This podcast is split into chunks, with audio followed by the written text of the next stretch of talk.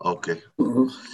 ערב טוב, שלום לכולם. אה, מקווה שכולם נהנו בחופשת החנוכה הקצרה שהייתה לנו, ואנחנו צריכים לחזור אה, לסדרי הלימוד שלנו.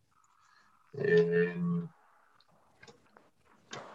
הרי אנחנו נמצאים בתקופה, את, אתם יודעים, אני, אני לא יודע אם אמרתי לכם את זה בעבר, חנוכה הרי זה חג האורים, זה חג האור, והוא מגיע תמיד בתקופה הכי חשוכה בשנה. למה זו התקופה הכי חשוכה בשנה? גם הכי קצר. שהרי אה, הלילות הם הכי ארוכים, וזה סוף החודש. זה שילוב קטלני. הלילות הכי ארוכים, סוף החודש, שזה סוף אה, כסלו, זה מיד אה, גורם לזה שזה באמת התקופה שיש בה הכי הרבה חושך בשנה, וגם כי אלך בחושך השם אור לי, אורה זו תורה, זה, זה באמת הזמן, החורף, אני זוכר בישיבה, זמן חורף, זה הזמן שככה אתה צולל לתוך הלימודים, אז אני מקווה שיהיה לנו כאן אה, תקופת לימודים טובה ופוריה. אני אשתיק את כולם עכשיו. רגע, בוא נשתיק את כולם. חוץ ממני אתה כמובן. רוצה להתקדם? אוקיי. אוקיי, בסדר. אה, אז בואו נתחיל. אנחנו נמצאים במלכים א', בפרק י"א. אנחנו התחלנו אה, בשבוע שעבר לדבר על הבעייתיות שיש ועל האנטי קליימקס הזה שיש כאן בסיפור של חטא שלמה המלך. אנחנו ראינו שבאמת הסיומת של פרק י' והפתיח של פרק י"א הם נכתבים באמת כנגד פרשת המלך. אותה פרשת מלך ידועה שאמרה לנו, לא ירבה לו סוסים, לא ירבה לו כסף וזהב, לא ירבה לו נשים, בכל הפרמטרים הללו, שלמה המלך כביכול אה, נופל, ואנחנו באמת אה, די נדהמים מהנפילה החזיתית הזאת. איך פתאום אותו שלמה המלך הגדול, אותו בן אדם שהגיע לדרגת משיח, אותו בן אדם שכשאנחנו מתפללים למשיח, אנחנו מתפללים שיהיה לנו מישהו בדרגתו של שלמה המלך, איך בן אדם ברמה כזאת פתאום מגיעה התרסקות כזאת, וזה ללא הודעה מוקדמת, זה ממש אה, פתאום, אנחנו פותחים את פרק י"א ואנחנו מגלים כאן באמת דמות אחרת ממה שאנחנו מכירים. בואו בוא נסתכל ונקרא שוב פעם בפנים, וננסה קצת לרדת לחקר העניין הזה של החטא של שלמה המלך. אני קורא בפרק י"א, פסוק א', שוב פעם. והמלך שלמה אהב נשים נוכריות רבות, ואת בת פרעה, שזה דבר שחשוב לשים לב, הפסוקים בכוונה שמים את בת פרעה בקטגוריה נפרדת. מדוע? אבל בואו נראה. את מי הוא אוהב? מואביות, עמוניות, אדומיות, צידניות, חיתיות, וואה, כמות אדירה של נשים מכל המינים והסוגים. מן הגויים אשר אמר השם אל בני ישראל, לא תבואו בהם, והם לא יבואו בכם, נכון? אגב, שימו לב, בתוך הרשימה הזאת יש עמוניות ומואביות. עמוניות ומואביות, האם יש ציווי שהם לא יבואו אה, אה, בקהל השם? אנחנו יודעים שלכאורה לא, נכון? כי עמוני ולא עמונית, מואבי ולא מואבית. וכאן גם נשאלת השאלה, האם ייתכן להגיד שפרעה, ששלמה המלך נשא את הנשים הללו ולא גייר אותם? האם שלמה המלך יכול להיות שהוא נפל בדבר כל כך פשוט שכולנו יודעים שאתה לא יכול להתחתן עם אישה, אלא אם כן היא הופכת ליהודייה? והרי אם לא, יש באמת האיסור דאורייתא שלא תתחתן בה, נכון? פן יסירו את לבבך וכולי. אז מן הסתם אני אומר, וכאן אני לא רואה סיבה להגיד אחרת, ששלמה המלך כן גייר אותם. אז אם הוא גייר אותם, אז למה באמת יש כאן את הבעיה של לא תבואו בהם והם לא יבואו בכם? בואו בוא נמשיך ונראה. אכן יטו את לבבכם אחרי אלוהיהם, בהם דבק שלמה לאהבה, בהם אמרנו בנשים, לא באלוהים. בנשים הוא דבק לאהבה. ויהי לו נשים שרות, שבע מאות, ופילגשים שלוש מאות, ויטו נשיו את ליבו. מה זה, מה זה המספרים האלה? אלף נשים? מי צריך אלף נשים? רובנו בקושי עם אישה אחת מסתדרים. מה, מה עכשיו אלף נשים? זה, זה, חתיכת אה, פרויקט אה, ש, שלא נתפס, מה, מה קורה פה? וערב שוויגז. כן. ויתון נשב את ליבו, ויהי לעת זקנת שלמה, נשב והטו את לבבו אחרי אלוהים אחרים, ולא היה לבבו שלם עם השם אלוהיו, כי לבב דוד אביו. אז כאן ראינו כבר שיש לנו כאן נקודה מוזרה. אם אכן, אנחנו נראה הרי מה, מה הפסוקים הבאים הולכים להגיד לנו, הפסוקים הבאים יגידו לנו ששלמה עובד עבודה זרה, הנה מיד. וילך שלמה אחרי אשתורת אלוהי צידונים, ואחרי מלקום שיקוץ המונים, והיה שלמה הרע בעיני השם, ולא מילא אחרי השם כדוד אביו, אז יבנה שלמה במה לכמוש שיקוץ מואב, בהר אשר על פני ירושלים, ולמולך שיקוץ בני עמון, וכן עשה לכל נשיו הנוכריות מקטירות ומזבחות לאלוהיהן. ויתענף השם בשלמה, כי נטה לבבו מעם השם אלוהי ישראל, הנראה אליו פעמיים, וציווה אליו על הדבר הזה לבלתי לכת אחרי אלוהים אחרים, ולא שמר את אשר ציווה השם. אגב, כמה פעמים השם נראה לשלמה? כאן כתוב פעמיים. מהם הפעמיים שאנחנו מכירים? אחד לפני ואחד אחרי. לא שמעתי, שוב פעם? אחד, אחד למדנו אחרי שהוא בנה את בית המקדש, ואחד לפני. נכון. אז, אז יש את הדבר הראשון, החלו, ההתגלות הראשונה הייתה מיד אחרי ששלמה התמנה למלך, נכון? שבה הקדוש ברוך הוא אומר לו, שאל מה אתן לך. ושלמה כמובן בוחר בחוכמה, והקדוש ברוך הוא נותן לו הכל. זו ההתגלות הראשונה. ההתגלות השנייה שאנחנו מכירים, זה אחרי בניין בית המקדש, אחרי התפילה הידועה של שלמה, שהקדוש ברוך הוא נגלה אליו, הוא באמת אומר לו, שמעתי את תפילתך, היו עיניי וליבי שם כל הימים וכולי, אבל יש עוד התגלות באמצע שלכאורה מדלגים עליה. באמצע פרק ו', אני לא יודע אם אתם זוכרים, דיברנו על זה, באמצע הבנייה של בית המקדש, אנחנו יכולים לפתוח ולראות, אני אגיד לכם בדיוק איפה זה, בפרק ו', פסוק י"א, ויהי דבר השם אל שלמה לאמור, הבית הזה אשר אתה בונה, אם תלך בחוקותיי ואת משפטיי תעשה, ושמרת את כל מצוותיי ללכת בהם, והקימותי את דברי איתך, אשר דיברתי אל דוד אביך, ושכנתי בתוך בני ישראל, ולא אעזוב את עמי ישראל. לכאורה יש פה התגלות שלישית, למה כתוב פה פעמיים, כשאנחנו רואים בפירוש שהקדוש ברוך הוא נגלה לשלמה שלושה פעמים. בעיה. אז אני אומר, אה, אתם יודעים מה? בואו נקרא את ההתגלות, עכשיו יש, אגב, לפי החשבון שלנו, עכשיו אנחנו נקרא את ההתגלות הרביעית, נכון? פעמיים הקדוש ברוך הוא נגלה לשלמה, זה אנחנו מכירים, את ה... זה ההתגלויות כנראה שפה הפסוקים מדברים עליהם, אחד ממש כשהוא נהיה למלך, ואחד כמענה לתפילתו במקדש. אנחנו מכירים עוד התגלות אחת קצרה באמצע בניין המקדש, אותה קראנו עכשיו בפרק ו' ובפסוק י"א, ועכשיו מגיעה ההתגלות הרביעית.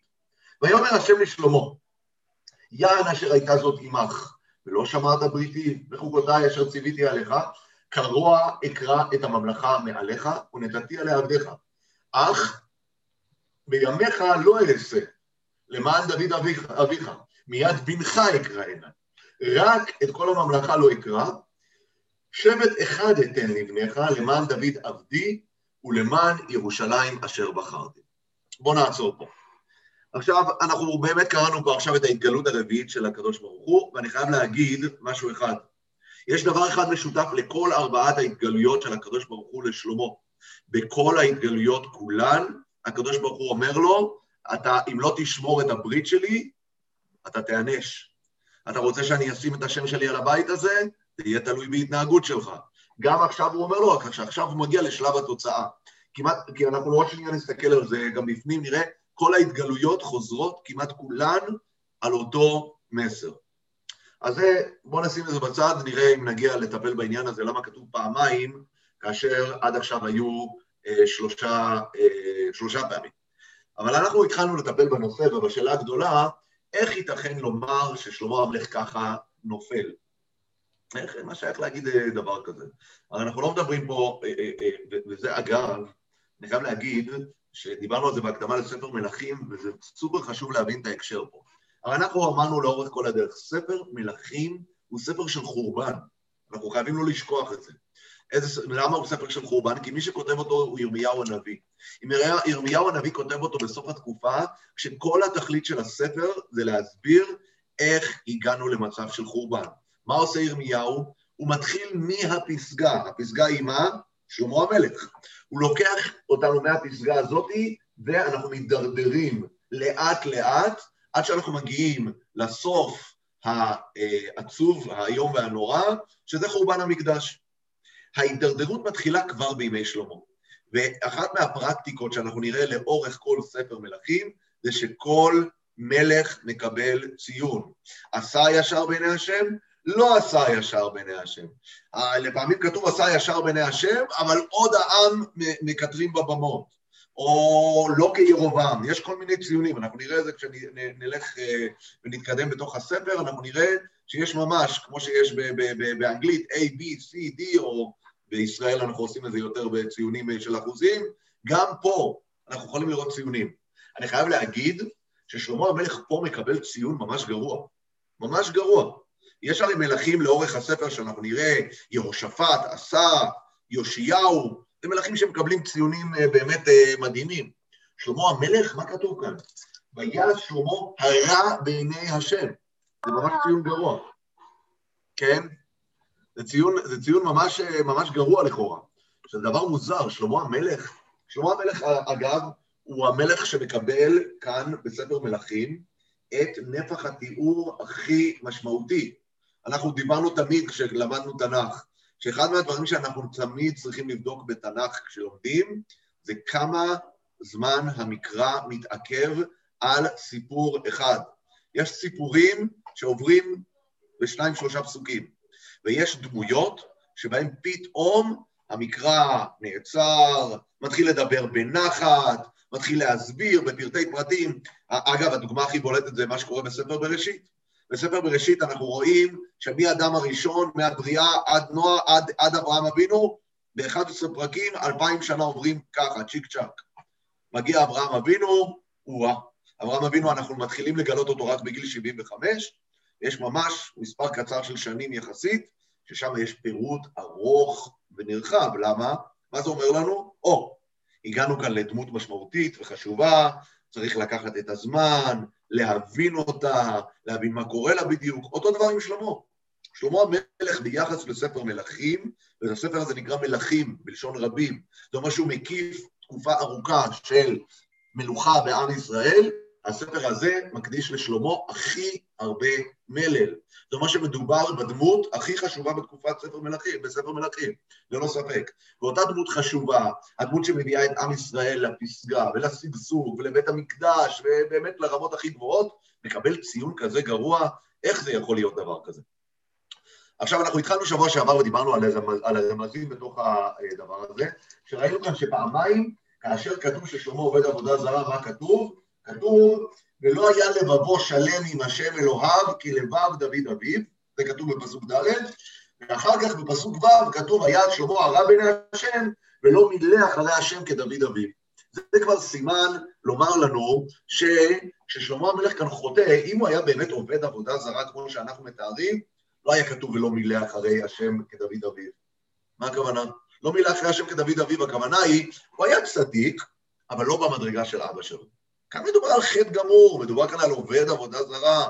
אם הוא עובד עבודה זרה גמורה, לא היינו צריכים פעמיים להדגיש שהוא לא היה כמו דוד. לא היה כדוד? הוא היה הרבה הרבה יותר גרוע ולא לא בר השפעה בכלל. וכאן באמת נכנסים חז"ל, ואנחנו דיברנו על זה קצת בשבוע שעבר, כשחז"ל אומרים את המשפט הידוע, כל האומר שלמה חטא אינו אלא טועה, כל האומר דוד חטא אינו אלא טועה, ראובן, יהודה, יש לנו את כל הסיפורים האלה, אנחנו הסברנו, ואגב, בזמנו כשלמדנו, ובאמת אני חושב שלמדנו את זה בעיון רב, את, החטא של דוד בבת שבע, אז גם אמרנו, אנחנו אף פעם לא עוקרים מקרא מפשוטו. אם מקרא אומר משהו, מה שכתוב זה מה שקרה. אמרנו, דיברנו על שיטת המלבים, שהמלבים ממש, יש, יש כאלה שיבואו ויגידו מה שכתוב במדרש, זה האמת, ואל תאמין למה שכתוב בפסוקים. המלבים עושה דרך באמצע, הוא אומר שהמדרש מלמד אותנו איך לקרוא את הפסוקים יותר נכון. וכשהמדרש אומר משהו, זה מה שבאמת קרה, רק שאנחנו מקוצר שכלנו והבנתנו לא יודעים לקרוא עברית בצורה טובה, אנחנו לא מבינים עברית, וחז"ל הבינו עברית היטב, וחז"ל ידעו לקרוא את הפסוקים ולהגיד מה קרה באמת. אנחנו אומרים דרך אחרת. אנחנו אומרים, מה שכתוב שקרה, זה אכן קרה. אבל אנחנו צריכים להבין את ההקשר שבו זה קרה, את הנסיבות, את הפרשנויות והכל, כדי, מה לעשות? כדי להתאים את הדמות למה שאנחנו מכירים אותה. זה אותו דבר גם קשור אגב לדוד המלך, ואותו דבר לשלמה.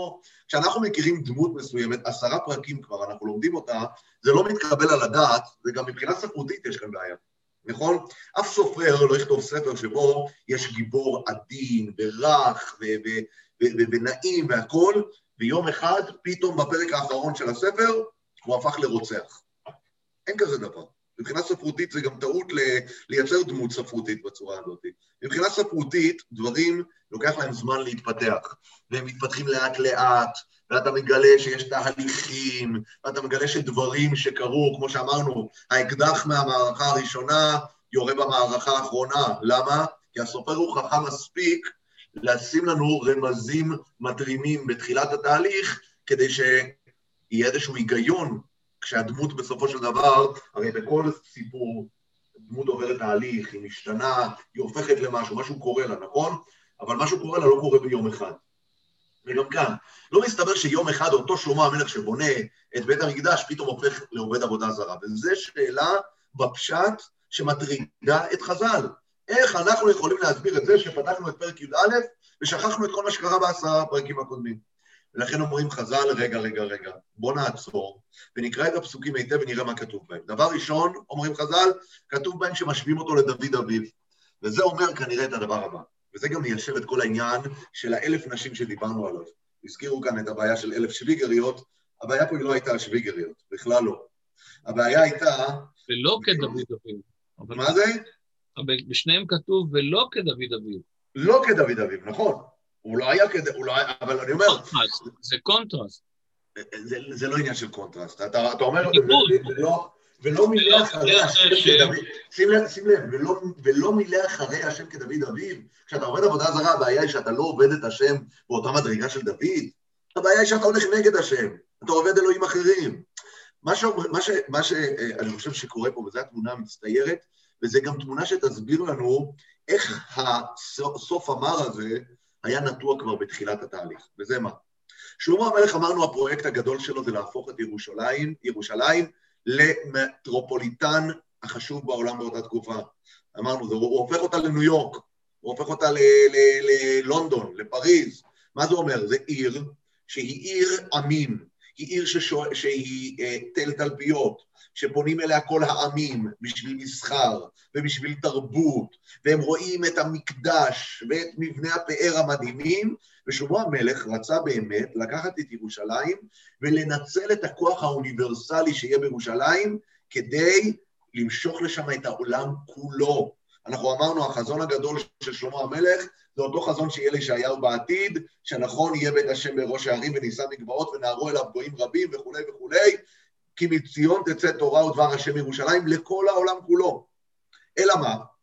חלק מאותו תהליך, אמרנו, הוא היה מלווה בקשירת קשרים דיפלומטיים עם המון המון ממלכות. כשאנחנו רואים כאן אלף נשים, הכוונה היא אלף שגרירויות זרות בירושלים. זה הכוונה. אתם מכירים את זה ברחוב הירקון בתל אביב, כשהולכים ורואים את הרשימה, את כל הרשימה של השגרירויות, הרי למה זה היה ברחוב הירקון? כי כל, ה, אה, כל הגויים לא רצו להעביר את השגרירות לירושלים. ברוך השם, לאחרונה אה, השגרירות סוף סוף של הברד של ארה"ב כן עברה לירושלים, אבל זה נובע מאותו חוסר הכרה.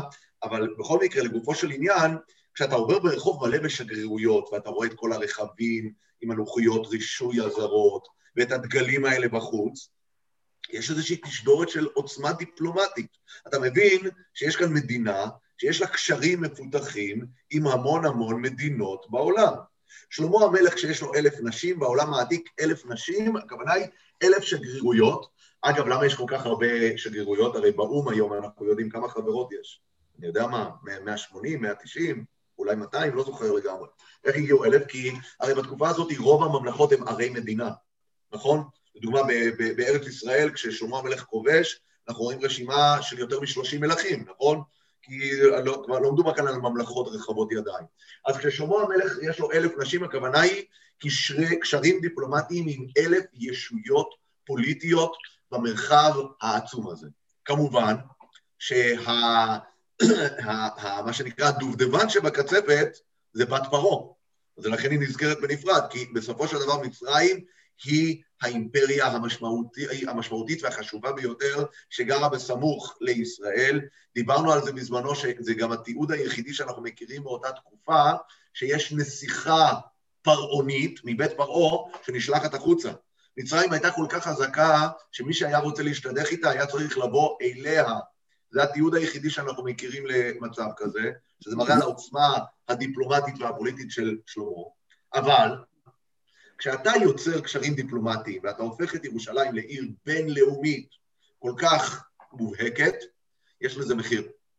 ומה המחיר? המחיר הוא שהנשים הללו שמגיעות, הן גם מביאות את התרבות שלהן איתן.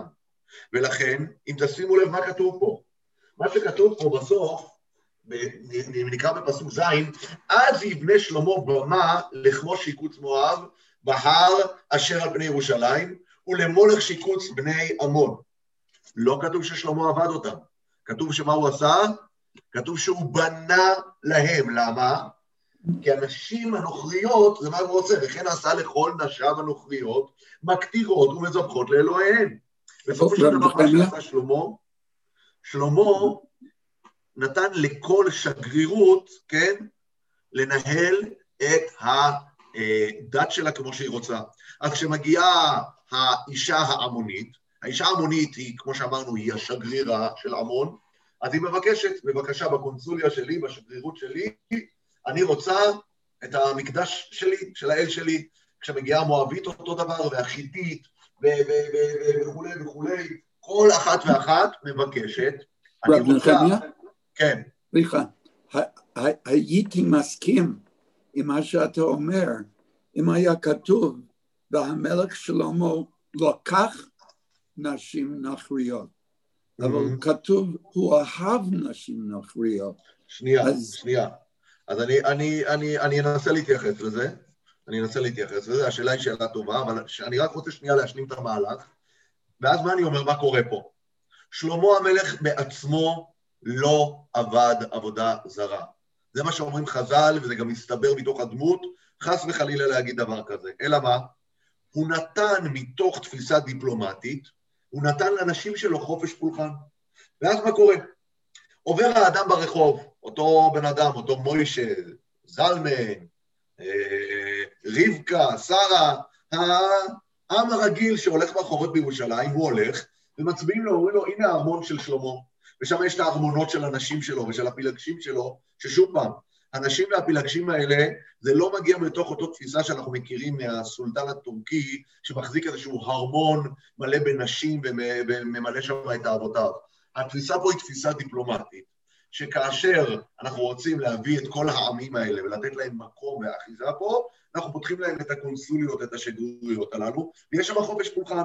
והאנשים האלה, כל אחת ואחת מזווחת לאלוהיה. אבל העם, אותם אנשים שאמרנו שהולכים ברחוב ומסתכלים, הם לא יודעים לעשות את ההבחנה הזאת. הם יודעים דבר אחד, יש כאן את אותה ירושלים, מקדש מלך עיר מלוכה, שיש בה בית מקדש להשם, אותו מקדש שבנה שלמה, מתקיים בה פתאום חופש פולחן לכל העמים, וזה קורה בתוך הארמון של המלך. הדבר הזה נתפס בעיניים של העם כאילו שלמה המלך בעצמו עובד עבודה זרה. הנה, בתוך הבית שלו עובדים עבודה זרה.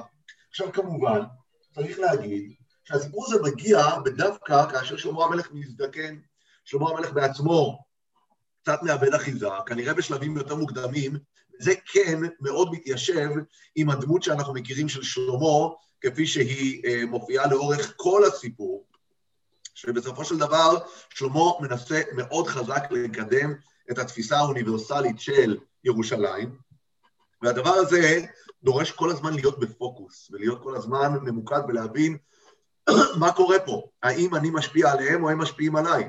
אגב, זה, זה מזכיר לי, תמיד יש את הדילמה הזאת, אני יודע, לאנשים שמתעסקים מה שנקרא בקירוב. קירוב, מנסים לחזור בתשובה, האם, מי, מי משפיע על מי בסופו של דבר? האם אני משפיע עליך או אתה משפיע עליי? אחת מהאמירות הכי מפורסמות, אגב, בעולם החרדי, מיוחסת לחזון איש. שהחזון איש היה אומר תמיד לאנשים שמתעסקים בהחזרה בתשובה, אומר, החזרה בתשובה, יש בה סיכון.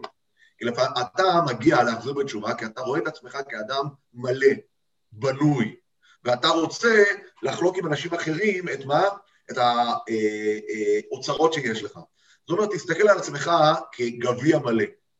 האם, וכאן הוא אומר, צריך לשאול, האם הגביע עולה על, גדות, עולה על גדותיו ונותן לאנשים אחרים ליהנות ממנו, או שאתה לוקח את הגביע שלך ומוזג לאחרים, ואז אתה בעצמך נחסר. זה אחד, אני חושב, זה למשל די ידוע שהחזון איש היה אומר, שצריך להיזהר תמיד כשאתה בא להשפיע ולתת השראה לאנשים אחרים, במיוחד באופן כזה כמו קירוב, שאתה רוצה לשנות חיים של אנשים, זה צריך להיות תמיד ממקום שאתה עולה על גדותיך ולא מתוך מקום שאתה נחסר. וזה תמיד כשיש מפגש ואינטראקציה בין תרבויות, יש תמיד שאלה מה קורה באמצע. כי מפגש, מטבע הדברים, תמיד משפיע על שני הצדדים. אין, אי אפשר להימלט מה... מה ההשפעה הזאת שתמיד יש. אגב, בעולם המחקר תמיד מדברים על תופעה שנקראת סינקריטיזם. אני לא יודע אם אתם מכירים את המונח הזה, שסינקריטיזם זה אומר שכאשר תרבות אחת נפגשת בתרבות אחרת, במיוחד בעולמות הפולחניים, אז נוצר איזשהו תמהיל מעניין של דת או פולחן או אמונה שמשולבת משני הדברים, משני התרבויות שנפגשו גם יחד. אז, אז כאן אני אומר שוב פעם, כששלמה המלך מביא את כל האנשים האלה לירושלים, אגב, חלק מהחוקרים, ראיתי, קראתי, אומרים שהיה לשלמה המלך מגמה מובהקת בכוונה לייצר חופש פולחן בירושלים, לעשות את ירושלים למקום שיש בו כל הדתות שוות, מי שרוצה שיעשה מה שהוא רוצה. זה רעיון מודרני נפלא, אני חושב, אבל אני לא חושב שהוא מתכתב עם המציאות. אני חושב שזה הפוך לגמרי, הפוך פה. שלמה המלך... כן. לי מפריע, ש... קודם כל, האלף שאתה אומר, זה לא חייב להיות אלף אה, תרבויות, זה יכול להיות אלף דיפלומטים. כן. גם יכול להיות, לא חייב להיות, נכון. זה דבר אחד. אתה, אתה אומר שיכול להיות שההמונים שלחו אה, לא רק אישה אחת, אלא נכון. אה, חמש אבל... נשים ועוד עשר פילגשים, יכול להיות. אבל, אבל בפסוק ג' בסוף כתוב, ויתון נשב את ליבו, כלומר, בדיוק מה שאתה אומר, המפגש בין התרבויות גרם לכך שבסופו של דבר התרבות שלהן השפיעה עליו יותר. נכון, אבל אני חושב שגם כשהיא השפיעה עליו יותר, ואני חושב שזה מה שחז"ל מנסים להגיד פה בצורה חזקה, זה לא ששלמה המלך ישב והשתחווה והקטיר לאלוהים אחרים. זה אומר שבסופו של דבר העסק הזה איבד שליטה. זה מה שזה אומר, כי הרי לאורך כל הזמן פה כתוב שהנשים הם אלה שהיו מקטרות. לא כתוב כאן כמעט בשום מקום, תקנו אותי אם אני טועה, ששלמה המלך ישב ועבד עבודה זרה. כתוב ביטוי שהוא אהב אותם, כתוב שהם הטו את לבבו, כתוב שלא היה לבבו שלם, כתוב שהוא וילך שלמה אחרי, אבל לא, עוד פעם, לא כתוב את הדברים האלה, כתוב שהוא בנה, הרי, הרי פסוק ז' לכאורה, אני רואה, אני רואה אותו כפסוק הכי דרמטי, הוא ככה פותח באמירה כמו אז ישיר משה, אז יבנה שלמה במה לכמוש יקוץ מואב וכולי, ואז מה כתוב? הפסוק הבא לכאורה הורס את כל הדרמה. וכן עשה לכל נשיו הנוכריות מקטירות ומזבחות לאלוהיהן. מה, מה הוא מתכוון להגיד כן עשה לכל נשיו הנוכריות? אני חושב שמה שזה מנסה להגיד פה, שהדרמה הגדולה זה שבסופו של דבר בתוך מתחם המלוכה, בתוך הקריה הממשלתית, אנשים מהרחוב עוברים ורואים שיש פולחן לאלוהים אחרים בתוך ארמון המלך. ושלמה המלך, מחולשתו, מזה שהוא אהב את נשיו והוא לא היה מספיק חזק מולם, מזה שאגב, וצריך לזכור פה, בסופו של דבר הסיפור פה הוא הסיפור הכי בסיסי. התורה אמרה לו לא ירבה לו נשים, למה? כי הם יטו את לבבו וזה מה שקורה פה. איך הם מטות את לבבו? זה יכול להיות שהם מטות את לבבו ביופי שלהן, זה יכול להיות שהן מטות את לבבו בתרבות שלהן, וזה יכול להיות שהן מטות את, את לבבו כי הן מנצלות את החולשה שלו לעת זקנתו, כשתמיד המלך מזדקן, אנחנו מכירים את זה גם אצל דוד, העסק טיפה מתרופף, העסק לא הדוק מספיק, ואז אפשר לנצל את הפרצה, ודברים חוזרים ומחלחלים, הרי אנחנו יודעים שגם עם שלמה המלך, כשהוא מחזיק את הצי הענק הזה של פילגשים ונשים, מאוד קשה לשלוט על דבר כזה, וכל אישה רוצה ל- ל- לחזור לתרבות המוקדמת שלה, מה שנקרא לגירסא דיאנקותא שלה, אז מיד זה צף ועולה כאשר אה, שלמה המלך, אה, אה, האחיזה שלו מתרופפת. עכשיו, לשאלתך, אה, רב גדליה, לגבי הנושא שכתוב שהוא אה, דבר שלמה לאהבה, הוא אהב את זה, להגיד שהוא אהב, אגב, אלף נשים, לדעתי, אם יש כאן פסיכולוגים בקהל, הם יגידו לך, אי אפשר לאהוב אלף נשים. אני לא חושב שבקפסיטי של בן אדם, אני חושב שפעם עשו, אגב, באיזה מחקר, אה, אה, פעם מדדו את המעגלים. לא love, אנשים- like, like them. did not אז. זהו, זה מה שאני חושב, אני לא חושב שזה אהבה במובן שאנחנו מכירים, שהייתה כאן אה, אהבת אה, איש לאשתו. הרי, ושלמה המלך ידע מה זאת אהבה, הוא כתב את שיר השירים. הוא, כנראה הבן אדם בתנ"ך שהכי הרבה הבין מה זאת אהבה, אם מישהו הבין. אנחנו יודעים שהמשוררים המודרניים שואלים מה זאת אהבה. אבל, אה, אבל אה, אם, אם מישהו יכל לנסח את שפת האהבה בתנ"ך, זה דווקא שלמה. ואותו שלמה, כשהוא מדבר, הוא מדבר על דוד ורעיה, הוא גם מבין היטב את הרעיון המונוגמי, אני חושב, של הדוד והרעיה. זה לא הנקודה. הנקודה שלאהבה הכוונה היא, דבר כמו שלמה לאהבה, הכוונה היא אהב את הקונספט, אהב את הרעיון, אהב את, ה, את, ה, את כל התרבות הזאת ואת מה שהיא מקדמת. כי עוד פעם, שלמה המלך צריך להבין, הוא היה טיפוס קוסמופוליטי. זה היה האופי שלו, זה האג'נדה שהוא קידם, זה מה שהוא אהב, וכמו שאמרתי, הוא לא, הוא לא טעה בזה. יש לזה אחיזה, יש לזה מקום, יש לזה שאמירה ותפיסה יהודית אוניברס... אה, אה, אוניברסלית, אבל צריך לעשות את זה במינון ובמידה הנכונים, וזה דבר מאוד קשה לאיזון, במיוחד שהתורה בעצמה אמרה לך כללים, לא ירבה לו נשים. כשהתורה אמרה לא ירבה לו נשים, כנראה שזה זה מה שהתורה אומרת, שאתה צריך לדעת לעשות את זה באיזון. בסופו של דבר, אה, ההלכה נוקטת מספר של 18 נשים, כנראה צריך בסופו של דבר לדעת לאזן את זה, שהתורה גם מבינה את טבע האדם, שאתה לא תוכל להיות טוב עם כולם בו זמנית, ולהיות באופן, אה, מה שנקרא, מסודר הרמטית, ששום דבר לא ישפיע עליך, זה בלתי אפשרי לעשות את הכל גם יחד. ואגב, התפיסה שלנו עם שלמה לאורך כל הפרקים, זה ששלמה מנסה לעשות הכל. הוא גם יהיה המלך הכי טוב, והמלך הכי עשיר, והכי חכם, והכי קוסמופוליטי, והכי מקושר דיפלומטית, והכל הכי, הכי, הכי, הכי, הכי, וזה בלתי אפשרי. זה בלתי אפשרי, אתה לא יכול להיות גם עם הכוח הצבאי הכי חזק, וגם עם הקשרים הדיפלומטיים הכי חזקים, וגם הכי חכם, וגם הכי עשיר, וגם אה, אה, אה, הכי קרוב לקדוש ברוך הוא, אי אפשר. ואני חושב שזה חלק מהתפיסה הריאלית של התורה בפרשת המלך, ואני חושב שאין כמעט פרשה יותר ריאלית, ריאלית הכוונה היא שירדה תורה לסוף דעתו של אדם, להבין את הטבע האנושי, שיש גבול כמה אפשר לעשות בו זמנית. ולכן התורה אומרת, המלך צריך להגביל אותו, שלא יהיה לו הרבה סוסים, ולא הרבה נשים, ולא הרבה כסף וזהב, לבלתי רוב לבבו מאחיו, ובסופו של דבר זה לתת פרופורציה קצת לדברים. זה מה שהתורה רוצה בפרשת המלך. ולכן, כתוב כאן לאהבה, בעיניי הכוונה היא לא אה, אה, לאהבה אה, אה, במובן הרומנטי, אלא לאהבה הכוונה היא שהוא, כמו שאמר כאן אה, דוקטור גוטליב, like, הוא אהב את הקונספט, הוא אהב את המצב הזה, אבל המצב הזה בסופו של דבר אה, פעל כנגדו, אה, וזו הטרגדיה כאן של שלמה, ושוב פעם אני אומר, וזו כנראה כוונת חז"ל, כל האומר שלמה חטא אינו אלא טועה, הכוונה היא נקראת הפסוקים, כתוב שהוא בנה את הבמה, הוא אכן בנה את הבמה. האם, האם הייתה עבודה זרה בתוך ביתו? הייתה עבודה זרה בתוך ביתו. האם הוא עצמו עבד עבודה זרה? אני לא מצאתי בפסוקים שכתוב שהוא עצמו עבד עבודה זרה, זה לא כתוב כאן, צריך לשים לב לזה. אבל מה כן? כל מה שכתוב בפסוקים אכן קרה, והייתה כאן איזושהי אווירה ואיזושהי מגמה מסוימת, ששלמה היה אחראי לה, ואחראי לה במובן שכל הסיפור המקדים שראינו גרם לדבר הזה, ובסופו של דבר הוא משלם על זה מחיר, הוא משלם על זה מחיר, וזה העונש שהקדוש ברוך הוא אומר לו. עכשיו, אמרתי לכם, אני רק רוצה להגיד כמה מילים על ההתגלויות של הקדוש ברוך הוא לשלמה. אז בואו נפתח רגע ונראה בפנים, רק ברמת הפשט להבין מה כתוב כאן. אנחנו מכירים את ההתגלות הראשונה שהייתה מתי? שהייתה בתחילת פרק ג', נכון? מה כתוב פה? פרק ג' פסוק ה', אתם יכולים לפתוח למי שיש פרק ג' פסוק ה' כאן במלכים א'. בגבעון נראה השם אל שלמה בחלום הלילה, ויאמר אלוהים שאל מה אתן לך. ואז מה קורה? הקדוש ברוך הוא נותן לו כמובן את האופציות מה לבחור, אני לא אקרא את כל הדברים שם, את כל מה שהקדוש ברוך הוא מציע, אבל אה, מה שחשוב לי לעניין הדברים האלה, זה הסיומת של התפילה הזאת.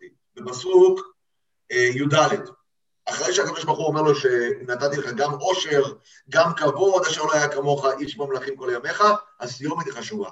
ואם תלך בדרכיי לשמור חוקיי ומצוותיי כאשר הלך דוד אביך, וערכתי את ימיך. יש כאן התניה.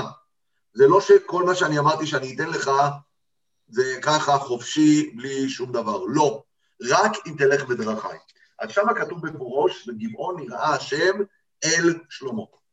בואו נלך להתגלות, ה, מה שנקרא בשפה שלנו השלישית מתוך הארבע. זה נמצא בפרק ט' בהתחלה, נכון? ושם מה כתוב בהתחלה? פרק ט', פסוק ב', כן?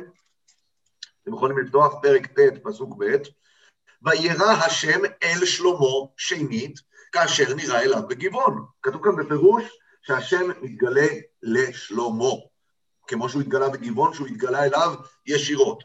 ומה כתוב שם בהתגלות של השם? הקדוש ברוך הוא אומר לו, שמעתי את התפילה שלך, את הבקשה שלך על בית המקדש וכולי, מיד הקדוש ברוך הוא מוסיף, אבל, זה פסוק ו' שמה, אם שוב תשובון, אתם ובניכם מאחריי, ולא תשמרו מצוותיי חוקותיי אשר נתתי לפניכם, והלכתם ועבדתם עולים אחרים ושתחוויתם להם, והכרעתי את ישראל מעל פני האדמה אשר נתתי להם, וכולי וכולי. זאת אומרת, גם שם הקדוש ברוך הוא מתגלה לה ומתנה ואומר, כל מה שביקשת בתפילה המדהימה שלך, שלמה, על בית המקדש, אתה תקבל, אבל בתנאי, כמו בהתגלות הראשונה בגבעון. עכשיו, בואו נלך להתגלות שהייתה בפרק ו', אותה התגלות ששאלנו עליה, למה מדברים עליה, ונראה את ההבדל. שם בפרק ו', בפסוק י"א, באמצע הארכיטקטורה של בניין המקדש, דיברנו על זה, פתאום יש התגלות באמצע. למה יש שם התגלות באמצע? דיברנו על זה, כי כביכול הקדוש ברוך הוא מריח את הסכנה. שלמה מתחיל לבנות כאן מפעל בנייה אדיר, והדבר הזה טומן מחובו סכנה גדולה, שאפשר להידרדר, אפשר להידרדר מזה לגאווה, לעזיבת השם, או לכל מה שקרה בפרק שלנו. אז שמה כתוב, ויהי דבר השם אל שלמה שנית. מה זה ויהי דבר השם אל שלמה, שלמה לאמור? לא שנית, טעיתי. ויהי דבר השם אל שלמה לאמור, הכוונה היא על ידי נביא. לא כתוב נגלה השם אל שלמה. ויהי דבר השם אל שלמה, כן? גם אצלנו, אגב, תשימו לב, כתוב בפרק י"א, פסוק י"א, ויאמר השם לשלמה, אבל זה לא כתוב באותה צורה כמו שכתוב בשתי ההתגלויות, ששם כתוב בפירוש שמה? וירא השם אל שלמה. וירא, הכוונה התגלות ישירה. ויהי דבר השם אל שלמה, או ויאמר השם אל שלמה, זה יכול להיות על ידי שליח, שהיה איזשהו נביא, והנביא הזה העביר את המסר הזה לשלמה. השם אמר לשלמה על ידי נביא, ויהי דבר השם לשלמה על ידי נביא. גם ההתגלות ההיא, אגב, בפרק ו', מה כתוב בה? ויהי דבר השם אל שלמה לאמור, הבית הזה אשר אתם בונה, אם תלך בחוקותיי ואת משפטיי תעשה, ושמרת את כל מצוותיי וכולי, ושכנתי בתוך בני ישראל, ולא אעזוב את עמי ישראל. אותו דבר בהתגלות הרביעית. אז אם תשימו לב, זה מאוד מעניין הסימטריה פה. יש כאן בסופו של דבר ארבע התגלויות. ההתגלות הראשונה בגבעון, ההתגלות השנייה באמצע בניין הבית, ההתגלות השלישית אחרי תפילת שלמה, וההתגלות הרביעית זה אצלנו בפרק אחרי חטא שלמה. ההתגלות הראשונה והשלישית הן התגלויות חיוביות וישירות. ההתגלות הראשונה זה כמובן אותה התגלות שהקדוש ברוך הוא מבטיח לו עושר, חוכמה וכבוד וכולי, אבל הוא מתנה. ההתגלות השלישית גם היא התגלות ישירה, כתוב שם שהקדוש ברוך הוא וירא אליו כמו, כמו שהוא נגלה אליו בגבעון, הכוונה ישירות, וגם שם זה התגלות חיובית, למה? כי זה בעקבות התפילה היפהפייה של שלמה, הקדוש ברוך הוא אומר לו, שמעתי את התפילה שלך, אבל שוב פעם, אל תשכח, זה תלוי איך תתנהג. אז זה הראשונה והשלישית, הן ממש דומות אחת לשנייה, והשנייה והרביעית מקבילות אחת לשנייה. בשנייה וברביעית אנחנו יודעים שזו לא הייתה התגלות ישירה. איך אני יודע? כי אנחנו שאלנו. כתוב, כי נטע לבבו ועם השם אלוהי ישראל הנראה אליו פעמיים. מה זה נראה אליו פעמיים? אמרנו שיש שלושה פעמים, לא. הפעם השנייה שאותה ציטטנו מאמצע הבנייה, היא לא הייתה התגלות ישירה. ויהי דבר השם אל שלמה, אבל לא וירא אליו. ולכן הפסוקים אצלנו, למה הם מתייחסים? לאותן התגלות התגלויות חיוביות. ההתגלות ההיא באמצע הבנייה, שימו לב, דיברנו על זה בזמנו, היא התגלות שלילית. מה הכוונה שלילית? הקדוש ברוך הוא אומר לו, שלמה, תעצור רגע רגע, אני רואה שאתה הולך לבנות כאן מפעלי בנייה אדירים, אני צריך לשים לך כוכבית, תיזהר, כי זה יכול לדרדר אותך. זה ההתגלות שיש שם, וההתגלות שלנו האחרונה היא ודאי התגלות, התגלות עם מסר שלילי, שהקדוש ברוך הוא אומר לו, אתה זוכר איך הזהרתי אותך? כל פעם שדיברתי איתך, הזהרתי אותך, הנה נפלת, ועכשיו אתה תשלם את המחיר. ולכן אני אומר שוב פעם, התגלות ראשונה ושלישית הן ישירות וחיוביות, התגלות שנייה ורביעית הן התגלויות, הן התגלות דרך שליח, והם עם מסר שלילי, מסר של אזהרה ועונש בסוף, כמו שיש אצלנו, אוקיי? אז זה סתם בשביל הסימטריה כדי להבין את זה, שלסיכום היו ארבע מסרים שעברו מהקדוש ברוך הוא, שתיים באופן ישיר, שתיים באופן עקיף, השתיים שהיו באופן ישיר היו עם מסרים חיוביים, השתיים שעברו באופן עקיף היו אזהרה ועונש, וזה העונש אצלנו שאנחנו אה, קוראים, אוקיי? בואו נמשיך. אנחנו קוראים בפסוק אה, י"ד, אגב, אנחנו נדבר, בפרק, אה, אם תשאלו אותי, אגב, כאן, אה, אנחנו לא נדבר על זה עכשיו, נדבר על זה בפרק הבא, הנבואה הזאת היא בפרק י"א, שאמרנו שהיא הגיעה באופן עקיף ולא באופן ישיר, שזה אגב גם מסתבר, כי אם שלמה המלך כבר במצב של הידרדרות, שהקדוש כתוב שביעש הרע, קשה לה, להבין שהקדוש ברוך הוא יתגלה אליו עכשיו ישירות, כן? אתם צריכים לדעת ש... מי היה, זה? מי היה הנביא בתקופתו של שלמה? אז כנראה, אנחנו נראה את זה בפרק הבא כשנלמד, זה אחיה השילוני פה. למה זה לא כתוב בפירוש שזה אחיה השילוני? כי אחיה השילוני בעיקרון הוא נביא ישראלי. הוא נביא שקשור לממלכת הצפון, לממלכת ישראל, הוא אותו נביא שממנה את ירובעם בפרק הבא, ולכן פה הוא מופיע, זה לא התפקיד המרכזי שלו, אבל אנחנו נראה בפרק הבא שיש כאן המון המון מקבילות בין מה שהוא אומר פה לשלמה לבין מה שהוא אומר בפרק הבא לירובעם כשהוא ממנה אותו, המסרים הם כמעט אותו דבר, ולכן, אה, זה, זה, כי, אגב, זה כתוב במפרשים שזה אחיה, אבל, אבל המפרשים יודעים להגיד את זה כי הם השוו את המסר שנאמר פה למסר שנאמר בפרק י"ב לירובעם, אז את זה אנחנו נשאיר לפרק הבא.